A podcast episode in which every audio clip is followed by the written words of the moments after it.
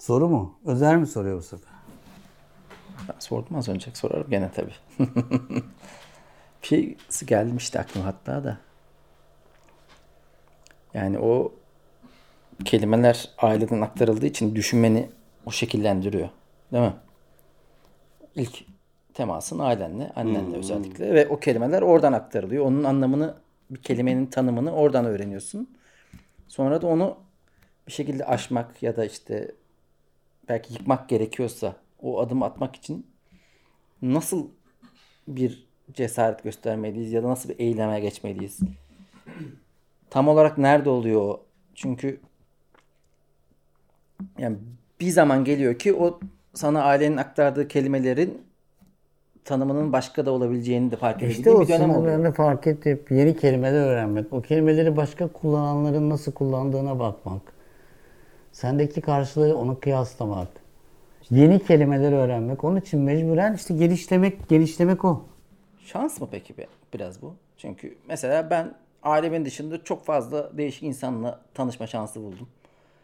Belki karşılaşmasam bambaşka bir insan olabilirdim diye düşünüyorum. İnsanla karşılaşmazdın da belki doğadaki başka bir şeyle karşılaşırdın yani. Ba- Başka bir şey başka bir şey öğretirdi. Şimdi e, arkadaşımız zamanında ciddi çobanlık yapmış. Ne kadar heyecanlı bir şey.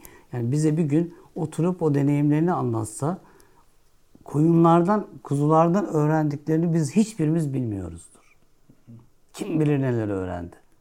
Keşke duysak. Keşke anlatsa mesela Büyük Aile Çiftliği dediğim o çok sevdiğim TRT belgeseli işte o İngiltere'nin İskoçya İngiltere'de bir yerde geçiyor.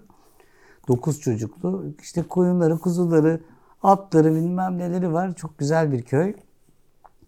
O kadar çok şey öğreniyorum ki ben oradan. E çünkü ha, o kuzuyla kurduğu ilişki kim bilir ona neler öğretti. Emir şimdi Yıldız Teknik'te bir mimar öğren mimarlık öğrencisi. Bu hep konulara haberlere konu oluyor ya. İşte çoban genç işte iyi bir üniversite kazanınca. Bunu nasıl becerdin? Sen ekstra bir çalışma yaptın mı? Ya aslında şeydi. Hani o ha- haberlere konu olanlar gibi değildim. Belki o insanlar da bizim gördüğümüz gibi değildi. Çok bilmiyorum ama. Ee, işte bir yandan bir şehir bağlantım vardı. Ee, diğer taraftan da bir köy bağlantım vardı. Şavşat'ta genelde insanlar öyledir yani. Merkezde yaşasanız da hep bir köy bağlantınız vardır. Benim de bu köy bağlantım biraz daha yoğundu. İşte çobanlık yaptım, bir sürü işte çalıştım ve e, bir noktada babam bunu bana itti ve bunu bir hediye olarak yaptı aslında bana bir şeyler katmak istercesine. Ben de bir şeyler aldım. Bundan memnun oldum yani. İşte bir yandan da işte eğitim hayatım sürdü. Onda da e, bir mücadelem vardı yani bir şeyler yapmak istedim. Yani ne kadar iyi bir okul kazandım bunlar tartışılır hani şey sonuçta her zaman bir sıralama var ama bir şekilde yolculuğum buraya düştü yani. Şimdi mesela şöyle sorayım ben. Fırsatım olsa, çocuğum olsa, kuzularımın, koyunlarımın olduğu bir köyüm olsa, ben çocuğuma bunu hediye sunarım ya. Hediye ya. Biz aklımızda her şey öbür taraftan çalışıyor ama bence babam bana bunu hediye etti, armağan etti dediği hangisi? Okul mu, kuzular mı? Kuzular. Gördün mü? Fırsatın olsa öyle çocuk, çocuğum öyle yetişsin isterim ben. Yani bazısı çok steril yetişsin diye hiç oraya elini bulaştırmıyor bile o anlamda yani o kendi gözünden söylemem gerekirse. Bulaşık olan öbür taraf daha Evet çok geliyor bana halbuki. Ben bu dil konusuyla ilgili bir şey sormak istiyorum. Hani e, sözümüz bir noktada da doğaya ulaştı ya işte kuzulardan öğrenmek, doğadan öğrenmek. E, diyelim ki hiç duymamış ve duymayı bilmeyen bir insan. Acaba çok mu cahildir yoksa bizden çok daha mı engindir? Yani çünkü onun düşüncesi artık dille ilintili olmayacak. Evet bu konuda bir metin yazmıştım. Oliver Sacks'ın olsa gerek Sesleri Görmek diye bir kitabı var. O bu konuda çok iyi cevaplar veriyor ama ben bu konunun çok uzmanı değilim. Ama tabii ki her konuda olduğu gibi gene şunu söyleyeceğim. Bir konuda bir eksiğimiz, zaafımız varsa bir başka bir yerden bir armağanımız oluyor. Bir konuda da bir armağanımız varsa başka bir konuda mutlaka onun acısını yaşıyoruz. Çok uzun boyluyum, çok iyi bir şey ama çok zor bir şey. Çok zekiyim. Çok güzel bir şey, çok zor bir şey. Çok güzelim, çok güzel bir şey, çok zor bir şey gibi.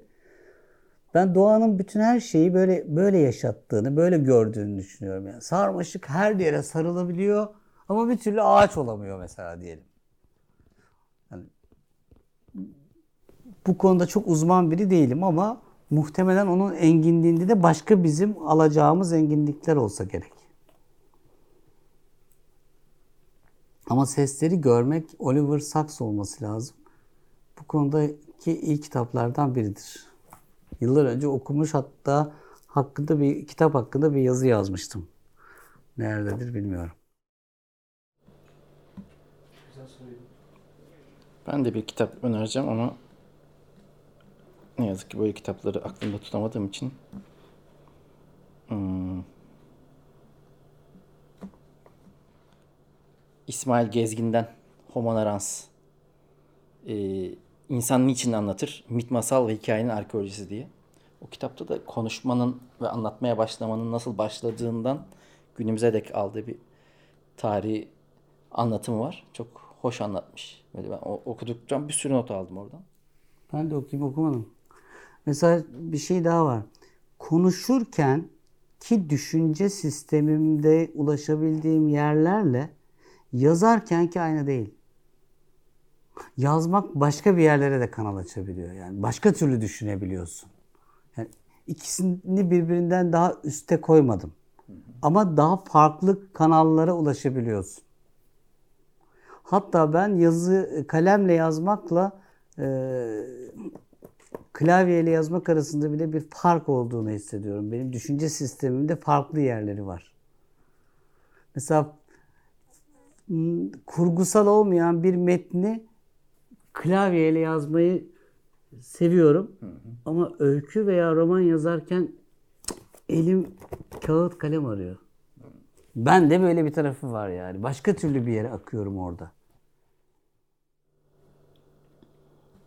Söz uçar, yazı, yazı uçamaz kalır. diye de bir laf var biliyor musun? Yazı kalır değil, yazı uçamaz. Evet. Hmm. Yani söz o coğrafyada yayılır, ağızdan ağza aktarılır. Mesela sen aynı yazı... zamanda aslında mizahi şeyler yazan birisin. Hı. Ama aynı zamanda stand-up yapıp orada mizah üretiyorsun. Evet. Farkı ne sence? Hikayeyi canlı anlatman gerekiyor. Onu ben yıllarca eksik yanım olmuş. Çünkü hep yazarak iletişim kurmuşum. O mizahı yazarak anlatmışım. Yapmışsın.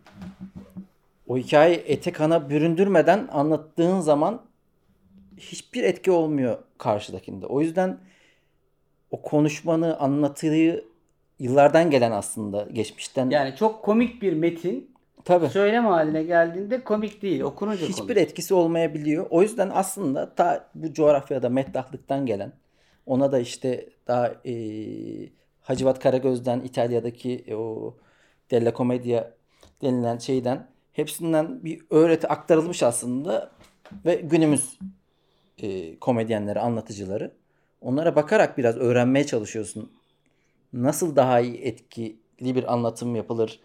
Stand-up'ta komedinin asıl vurucu yeri daha nasıl karşı tarafa aktarılır? Öğrenmen gereken bir yol ve çok geniş bir yol, uzun bir yol. Çok zevkli ama. Yani yazarken yazıyorsun, bitiyor, koyuyorsun. İnsanlar o an belki bir bilgisayar ekranında, telefon ekranında ya da bir kitapta basılı olarak görüyorlar. Ama o reaksiyonu bilmiyorsun. Ama stand-up'ta karşıdan kahkahayı duyduğun anda o reaksiyon böyle yüzüne çarptığı zaman çok mutlu edici. Bambaşka bir şeye dönüşüyor. Seinfeld'in hiç kitabı yokmuş. Yeni kitap yazdı. Daha evvel yazmamış değil mi? Bir kitabı daha var aslında. Çok Öyle eskiden mi? yazdığı. Ha. Şimdi onu yayınlayacağız yakında. O kitabı da en çok Özer çok istiyor diye yayınlamak istedim. Erkam da çeviriyor. 2022'de galiba gelecek. Hep birlikte böyle şimdi onu bekliyoruz. Heyecanlı. Yani içerik olarak e, nedir biraz anlatmak ister misin? Jerry Seinfeld'in e, materyal deniyor stand-up'taki anlatılan o kısa hikayelere. Materyallerini toplamış. Tüm yıllar boyunca yazdıkları ki kendisi bu konuda nerd olarak adlandırılan bir insan. Yani çok çalışkan ve bütün yazdığı materyalleri de el yazmalarının hepsini saklamış. İşte bir belgesel gibi yapımı var. Orada sokağa sermiş hepsinin ne kadar uzun olduğunu göstermek için. Bu gibi materyallerin ve aslında şakanın gelişimini göstermek için çok iyi bir kitap olacak bu işte ilgilenenlere. Stand-up'la alakalı da çok eğlenceli bir kitap Tabii. ama. Ya orada zaten bir sürü tespit, bir sürü şaka var. Ama komediyle stand-up'la alakalı en çok yanlış anlaşılan şey şu. Bir insan komikse, yetenekliyse şunu düşünüyorlar. Çıkar sahneye ve öttürür. Halbuki tam tersi aramızda kendi aramızda çok komik olanlar, arkadaş ortamında çok eğlenceli olanlar sahneye çıksa dahi belki ekstra yetenekli olduğunda başka bir durum söz konusu olabilir ama geneli %95-98'i bir kat etmesi gereken bir yol var. Çünkü sahne gerçekten bir sanat işi orada o anlatıcılık. Onlarca farklı dinamiğin yan yana gelmesi gerekiyor ve o yolu geçmen gerekiyor. Ve biz hep mesela Amerikalı komedyenler için o yolu geçmiş olanları görüyoruz. Ve hep herkes öyle zannediyoruz. Diyoruz ki ulan bir bunlara bak bir bizimkilere bak. Halbuki hep bir yol var aslında. Yani o yol uzun ve meşakkatli. ba- Bayağı meşakkatli bir yol. Şöyle bir çelişki, çelişki demeyeyim de artık. Ya gitar çalabiliyorsan gitar çalarsın. Yazarlık yapabiliyorsan yazarlık yaparsın. İşte sanat dallarından bir sürü alternatifim var. Birini seçebilirsin. Yeteneksizsen git komedi yap. Çünkü elinde hiçbir şey yoktur artık çıkıp komedi yaparsın ama aslında en zoru da o. Yani Bu kimin çok kolaymış gibi. Ee, Özer Uzun. Benim lafım. Güzel çünkü tarihi bir lafmış gibi. Bizim Lafalı Podcast'te biz kendi aramızda oyun yapıyoruz. Yaptık yani şu an devam etmiyoruz da tarihe geçen sözler bulmaya çalışıyoruz her bölümde. Böyle Tarihe geçirilecek sözler üretiyorsunuz yani. iddiasında bulunuyor ama işin komikliği şu. Çok tırt olması. Evet evet. Yani- evet. Ha. Bir yandan Winston Churchill bir laf etmiş ve tarihe geçmiş. Bir yandan da işte Özer Uzun ya Cemil Merki bir şey deyip tarihe geçmeye çalışıyor. Benjamin Franklin Ha, yani gibi. onlarla karşılaştırıyoruz biraz da. Bir tane örnek. Yani bakmam gerekiyor. Hemen söyleyeyim çünkü biz onları paylaşıyorduk da. Tarihe geçen sözler şeyimiz diye bölümümüzün adı. Hı, devam eden bir şey değil anladığım kadarıyla. Ya sonra daha akışkan bir şey yapalım. Böyle hazırlamalı olmasın diye vazgeçtik o bölümden. Ama hemen söyleyeyim. Mesela tarihe geçmeye çalışan sözler Özer Uzun. İnsan, evren, ölüm, yaşamın sırrı gibi büyük bilinmezlerin eşliğinde kendine küçük dertler bularak hayatta kalmaya çalışan zavallıdır. Böyle aklınıza geleni Ama şey değil mi? Çok şey söylüyormuş gibi Evet, olup evet. da hiçbir şey söylemiyor aslında. Sonra bunları da sunuyoruz insanlara. Onlar da oyluyor. Hani bu tarihe geçer geçmez diye. Bak şunu buldum. Kürek deyince de asıl onu demiş gibi oldum. Bak ikisini birden söylüyoruz ya da tekini söylüyoruz O ya. R baskısı. o R baskısı olayı tamamlıyor. Bundan sonra kürek kullanabilirim. Hem seks hem de seksist de değil bak.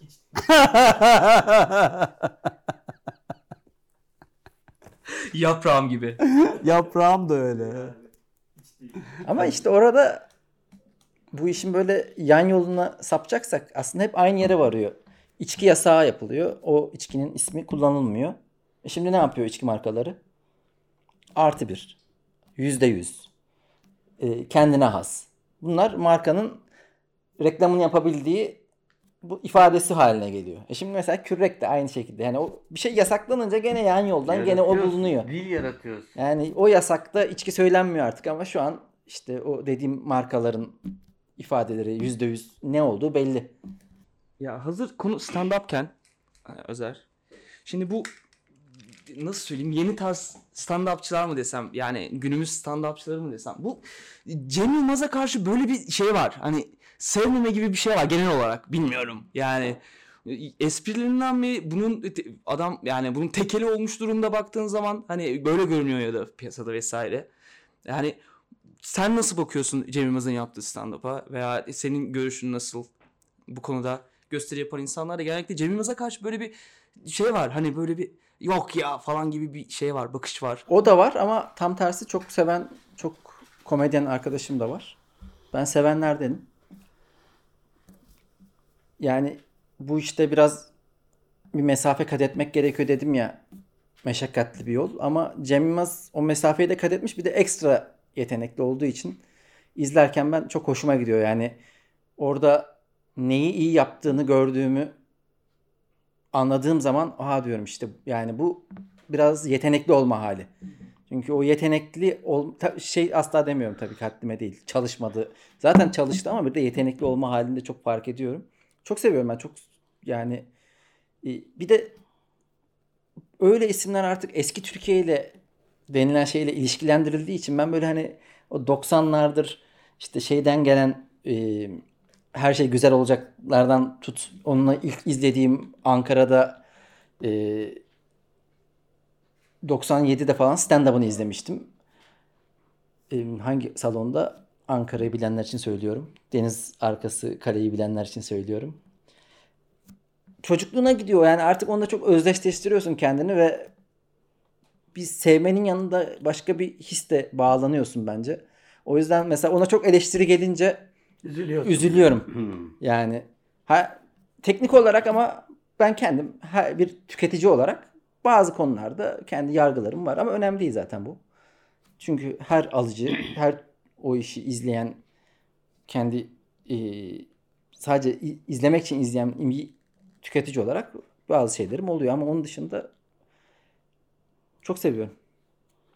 Ve çoğu arkadaşım da seviyor bu arada ya. Hatta yani öyle diyeyim azdır o aman abi diyenler. bir sınır belirledi herif. Sanki stand-up böyle yapılmalıymış gibi. Üstüne çıkmak, farklı bir şey yapanlar o yüzden çok tutmadı gibime geliyor. Egomanyası da var gibi geliyor bana bilmiyorum. Bir programda bununla alakalı konuştu kendisi. Dedi ki arkadaşlar çok geç geldi dedi. Çünkü uzun bir zaman hiç kimse gelmediği için alttan. Güzel cevap. Evet yani arkadaşlar geç geldi. O konuda haklı. Yani çok az insan sahneye çıkma cesareti gösterdi ama ben şu an stand-up'ın çok daha yükseleceğine inanıyorum. Çünkü ifade özgürlüğünün her yerde kısıtlandığı bir dönemdeyiz.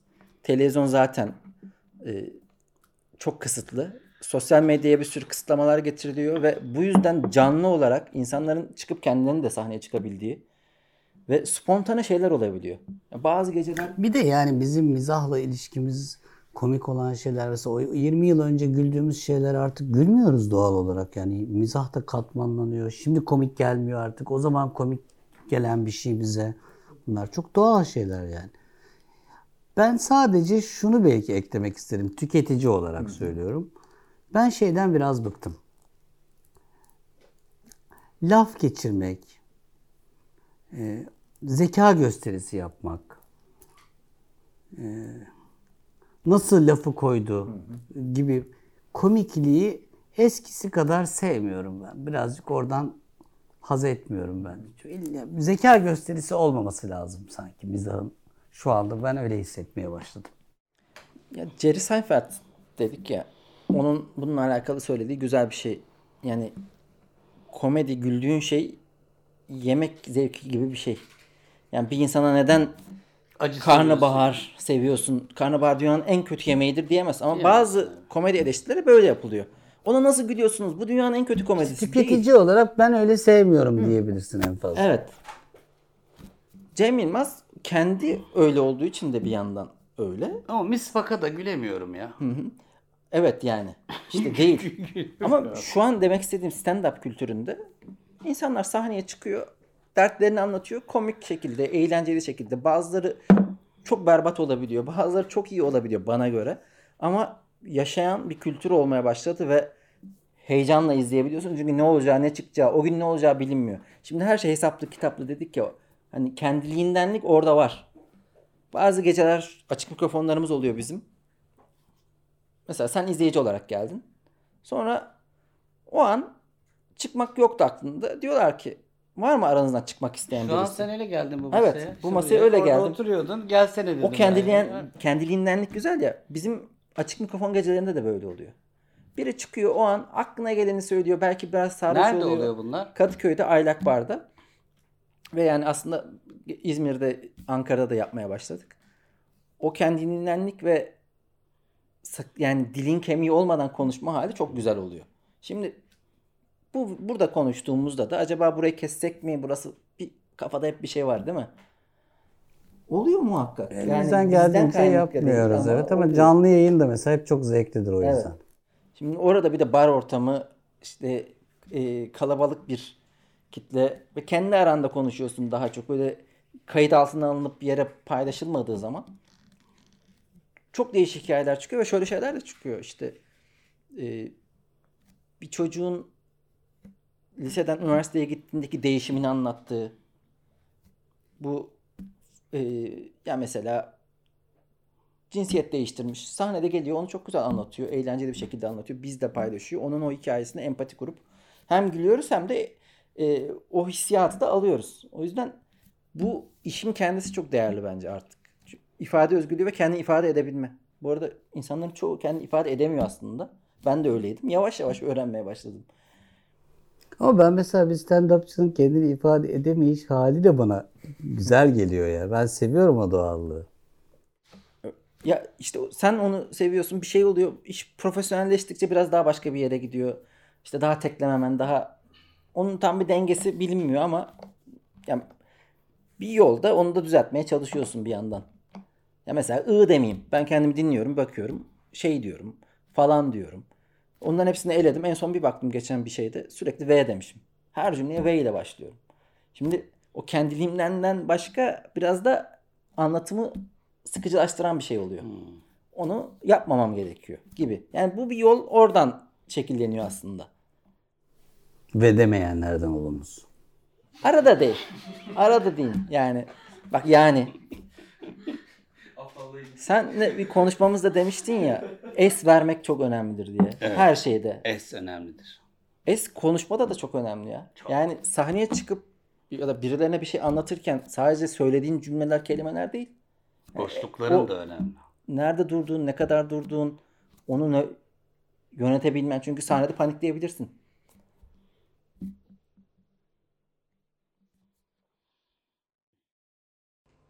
Yani bu şey e, yani YouTube gibi işte ana akım medyanın e, dan kurtulmuş olmamız mı aslında bu dedin ya demin Cem hani siz işte o arada bir mes şey vardı zaman vardı genç geldiniz dediği şey.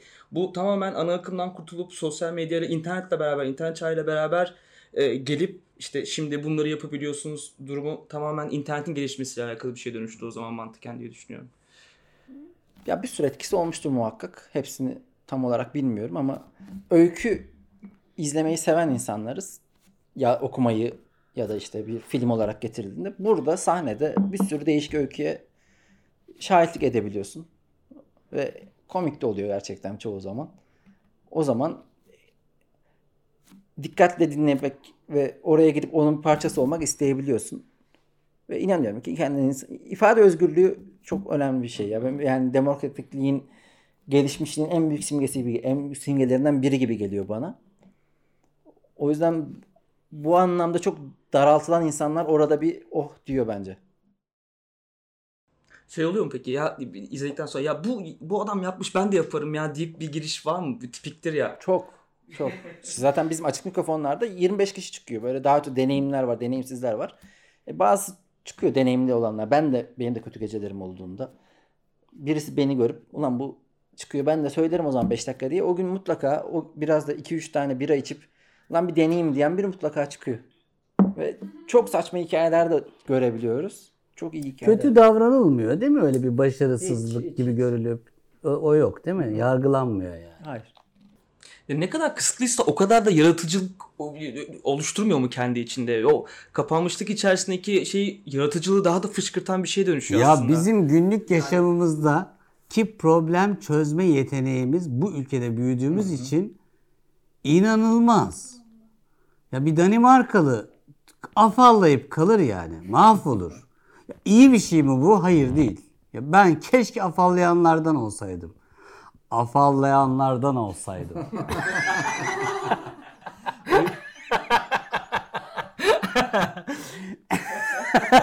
Afallayanlardan olunuz. O yüzden Belçika'ya gidince bizim buradaki arkadaşlarımız abi Belçikalılar da çok şapşal ya gibi şeyler diyebiliyor. Şapşal değil. Çünkü senin kadar survive etmek zorunda değil. Her şey çok düzgün. Şöyle bir soru var. Zihin bilinç meselesi. Bu ara çok kitaplar gündemde. Zihnimiz bizi yönetiyor. Otomatik pilottan kurtulsak Nirvana'ya ulaşacağız gibi. Bu konuda sizin fikriniz çok değerli. Söyler misiniz demiş fikrinizi. Çok anlamadım ama eğer anladığım üzerinden konuşursam kendi önemli gerçekliğimizin daha doğrusu kendi gerçekliğimizin önemli bir kısmı zihnimizde değildir, bilinç düzeyinde değildir. Bilinç dışımızdadır. Zaten iyi bir terapinin yaptığı şey de o kendi gerçekliğinin önemli bir kısmına dokunma, elleme, orada çalışma, oradan derinleşme ve kendi kullanmadığım potansiyellerine ulaşmadır aynı zamanda da. Düşlerimiz mesela orada e, çok kıymetli. En son bir kitap yayınladık bak. Şöyle göstereyim. Düşler ve aktif hayal gücüyle bilinç dışına yolculuk diye. Bak onun arkasında benim yazdığım bir şey var. Okuyalım mı onu? Lütfen. Kitabı okudum ve e, bunu yazmak istedim hakikaten. Düşlerimizde kendi savaşımızın içine düşen bir savaşçı oluruz. Kendimizle barışmak için kendi kanımızla boyanma cesaretine ihtiyaç duyarız. Aktığında bizi kan kırmızısına boyayan şey tam da kendi damarlarımızın içinde dolaşır çünkü. Bilinç dışımız bize kendimizden haberler getirir. Kendimizden bile sakladığımız o görkemli kahraman sesini bize duyurmak ister. Oysa biz en az kendimizle konuşur, en zor kendimizle buluşuruz. Bilincimizin perdelediği güneşimiz gecenin karanlığında düşlerimizde parlar oysa. Bak bilincimizin perdelediği, zihnimizin perdelediği güneşimiz gecenin karanlığında düşlerimizde parlar diyor. Aktif hayal gücü ve düşlerimizle içimizi çalışırız. Bilindik dil, bilgi ve dizgelerin çok ötesindeki kendimizi bulma yoluna düşeriz. Bazen henüz görmediğim düşlerimde beni bekleyen, bak henüz görmediğim düşlerimde beni bekleyen, henüz bilmekten uzak olduğum kendimin olduğunu düşünür heyecanlanırım. Orada benim kocaman bir parçam var ya.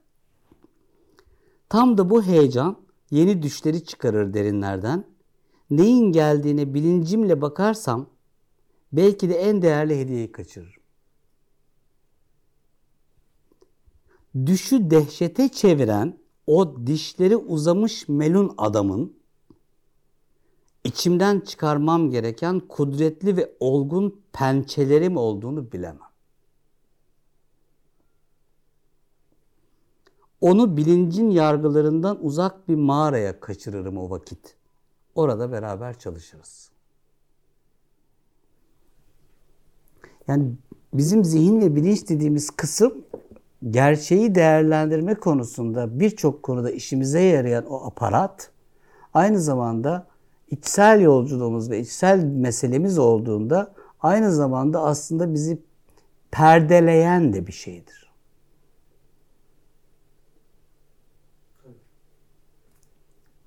Görmemizi engelleyen bir şeydir.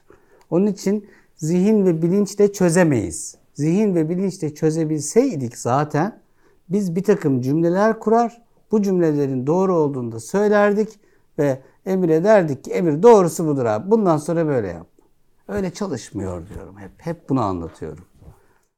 Gene bir teslim oluş bir şey var sanki. Orada senin bilmediğin dil şimdi bizim zihin ve bilinç düzeyimiz sekonder süreç düşünce dediğimiz zaman, mekan, yer vesaire bağlantıları gayet düzgündür. Şöyledir.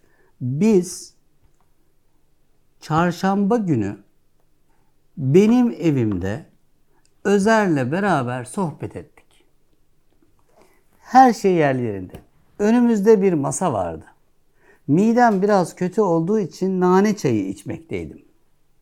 Bütün bunlar çok yerli yerince. Halbuki bilinç dışının dili, düşlerimizin dili böyle çalışmıyor.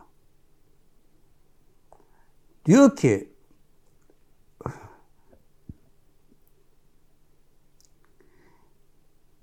Alaaddin Keykubat'la Beşiktaş çarşıda bira içiyorduk.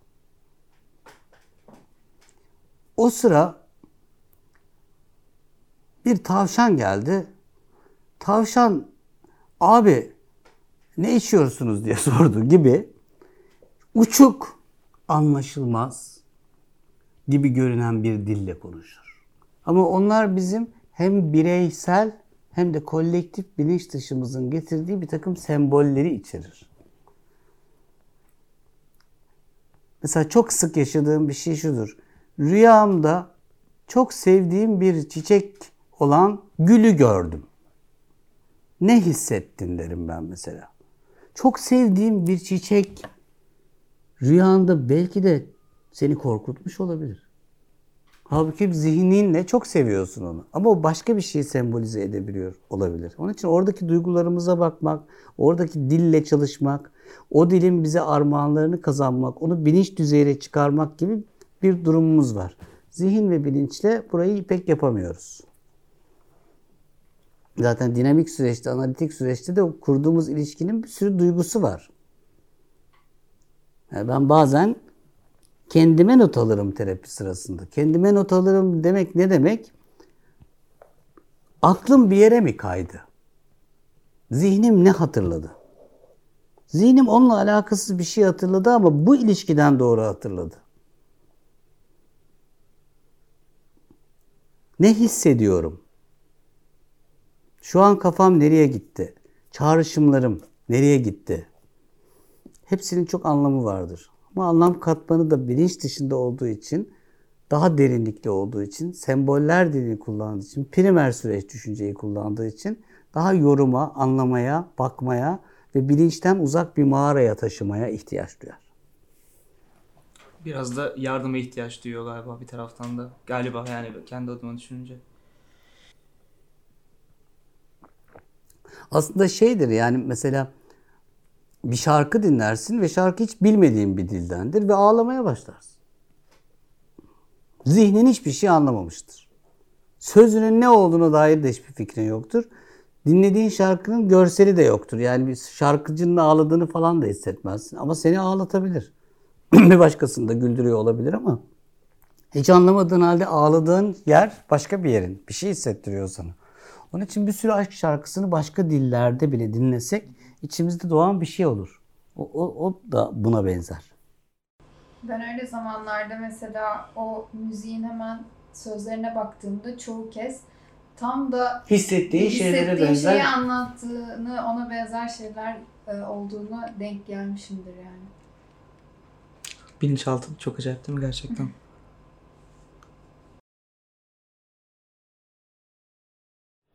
Bir sorumuz daha var. Bir saniye. Bizim Batı müziğinde minör daha duygusal, duygu yaratıcı notalara tekabül ederken as yani uzak doğu tarafında majör Daha duygulu. daha duygu. Acaba neden? Bilmiyorum bunu e, bir müzikolog falan iyi bilir. Ben çalışmadım hiç bunu.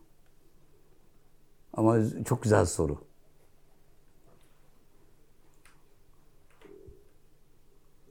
Ve belki de tak diye bir cevabı vardır. Kuvvetle muhtemel.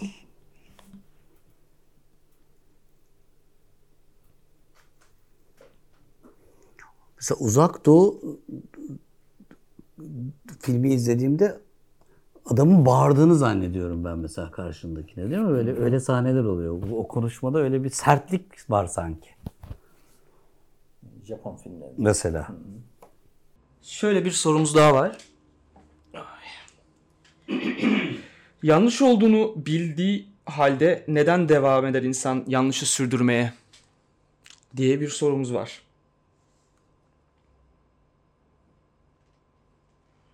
Bile bile lades demekten nasıl vazgeçilir ki? Şimdi yanlış olduğunu bilmek ne demek? Yanlış dediğin ne? Sonra neye göre sonuçlarıyla ilişkili bir yanlışlık mı var?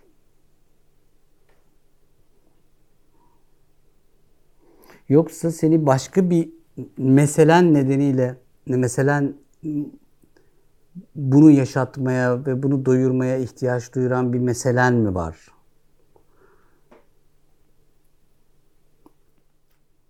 Bir bilmediğin bir anksiyete kaynağını, bir meseleni çözmek için mi bunu yapmaktasın?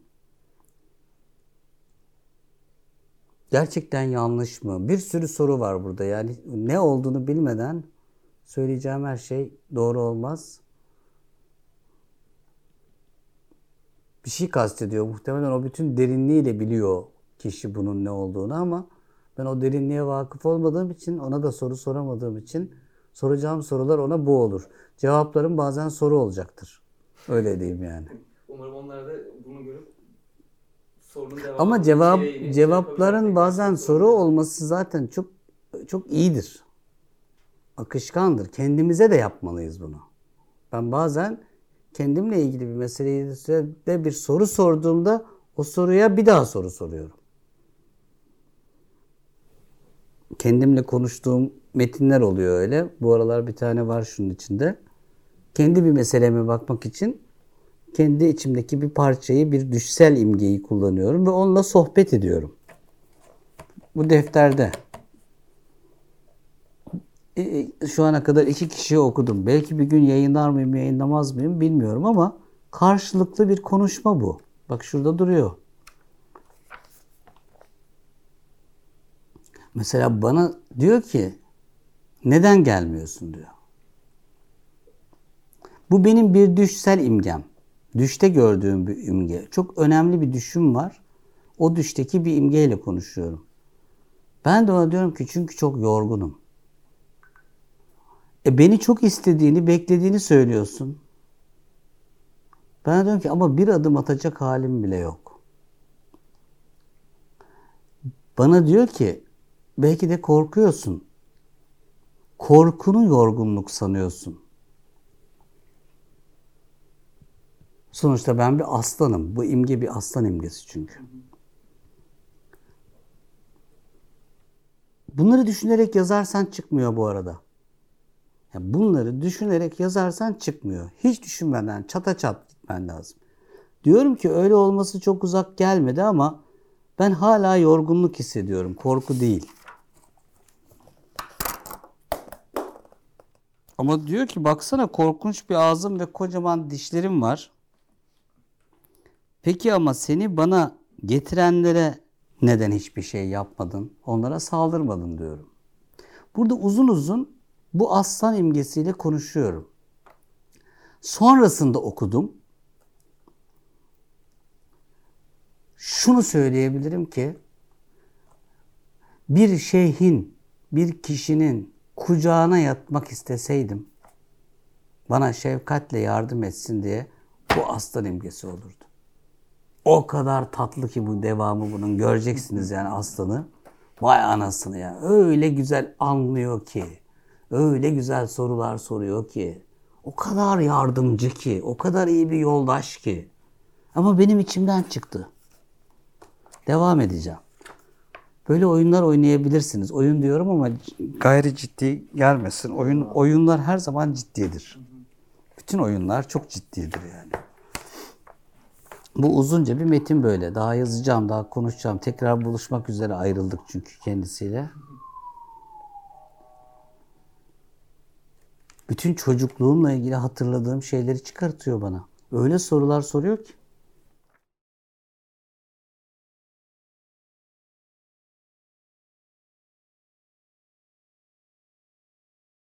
Bilinç dışı çalışmalarına ara ara böyle bakalım, biraz insanlara yardım etmeye çalışalım bu konularda. Hatırlayalım bunu.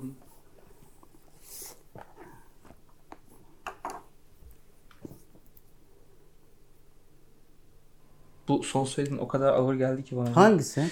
Bu işte birbirine dönüp o kağıtla bir yani o aslında o aslan dediğin Düş şu. karakterle konuşmak. Düş şu. Bak. Onun düş, merhameti o inanılmaz hoşuma gitti. düş, şu, yani. düş, düş şu.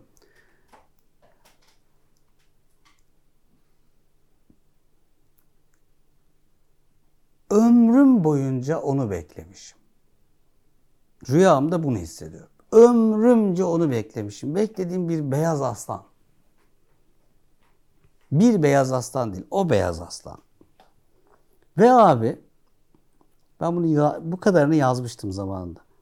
Birileri bir grup insan onu bir şeyin üstünde taşıyarak bana getiriyorlar. Yani ömrümce beklediğim şeyi bana getiriyorlar. O kadar güzel ki. O kadar tatlı ki, o kadar görkemli ki, o kadar iyi ki. Yani çok hoş. Korku da hissetmiyorum. Fakat artık şuraya kadar getirmişler. Ben diyorum ki üç kere bunu söylüyorum ve üç söyleyişimde de içim acıyarak söylüyorum. Birkaç adım atmam lazım artık. Getirilmiş. Çok yorgunum gelemem. Çok yorgunum gelemem. Çok yorgunum gelemem. Rüya bu. Şimdi ben bu aslanla buluştum ve konuşmaya başladım. Ve inanılmaz şeyler oluyor. Olacak da inşallah. Hatta bir tane de güzel bir aslan figürü buldum. Beyaz aslan figürü. Özel şuradan getirsene onu. O da garip bir şekilde bunu da almışım. Tezgahımın üstünde yatak odasındaki resim tezgahının üstünde bu duruyormuş bak. Şimdi biraz daha gözümün önüne koydum onu bir de. Böyle bir ilişkimiz var şimdi bakalım. Ama bak bir daha söylüyorum. Burada konuştuğum aslan bir kucağına yatacağım bir baba figürü, bir efendi figürü, bir şeyh figürü, bir kutsal biri olsaydı, bir çok inanılmaz bir analist veya bir terapist olsaydı onun kucağına yatardım. Böyle güzel, kaçmıyor da beni dürtüyor. O kadar güzel ısırıyor ki beni. Tatlı tatlı ısırıyor. Şefkatle ısırıyor. Isırıyor derken yani laf tabii. sorularıyla falan. Ben be- beyaz olmasına çok şey oldum. Mesela hiç öyle beyaz aslan tasviri yoktu kafamda mesela. Evet. Beyaz olmasının da ayrı bir yeri var diye Bu arada yani benim zihnim de ben hayatım boyunca bir beyaz aslanı bekledim. Bir beyaz aslan merak ediyorum. Bir beyaz aslan diye bir şey zihnimde yoktu. Bu düşte gördüm ben bunu. Yani on, hani şöyle dersin yani ben hayatım boyunca ben kaplana dokunmayı çok istedim. Ve bunu yaptım. Bunu gerçekten yaptım ama yani. Bu gerçekten de zihinsel olarak vardı bana. Kaplana sarılma hissi, duy- duygusunu istiyordum ve ya- yaşadım. Çok iyi geldi. Ama beyaz aslanla ilgili böyle bir şey de yoktu. Tamamen düşsel bir imge. Ama benim henüz ortaya çıkarmadığım bir çözemediğim bir meselemi ya da henüz çıkarmadığım bir potansiyelimi ya da korktuğum için açığa çıkmasından engel, engellediğim bir taraflarımı la bulaşacağımı hissediyorum.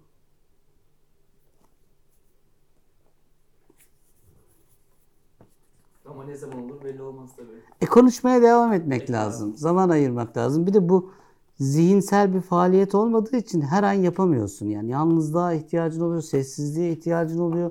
Klavyeyle denenebilir. Ben çok hızlı klavye yazabilen bir yazar değilim. Onun için klavyeyle yapmıyorum. Ama yazıyla çala kalem çala kalem konuşturuyorum. Ben deneyeceğim. Bu, bu, bu kesinlikle deneyeceğim. Umarım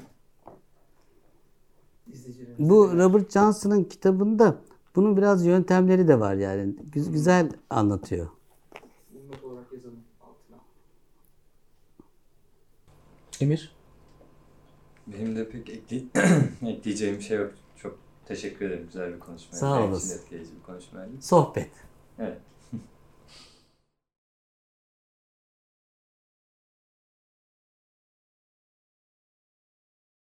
Teyzem yazmış ablama. Aslı geçen gün sabah çay bulanık oldu tartışması vardı ya.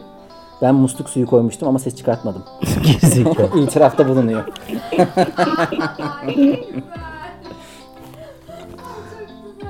Şimdi abi komik ya. İşte tatlı bir komik yani bu. Ya bunu bir dizide izlesem bu repliği ben. Yani çok güzel gülerim. Bir Umut Sarıkaya karikatürü vardı. İtiraf etmek gerekirse çay zehir gibi olmuş. Şey diyor işte kahvede ben terapi oluyorum diyor. Kahve içmeyi seviyorum. Kahvede muhabbet şu işte. İtiraf etmek gerekirse çay zehir gibi olmuş. Diğerleri de alkışlıyor böyle. Hemen soruma bakıyorum. Ee, Bütün çektiklerimizi silmedin değil mi? emin değilim bakmam lazım. Baksam mı acaba? Gerçekten mi? Yaptın mı Evet. böyle bir şey? Bir, ben bir bakayım ya ona bir dakika.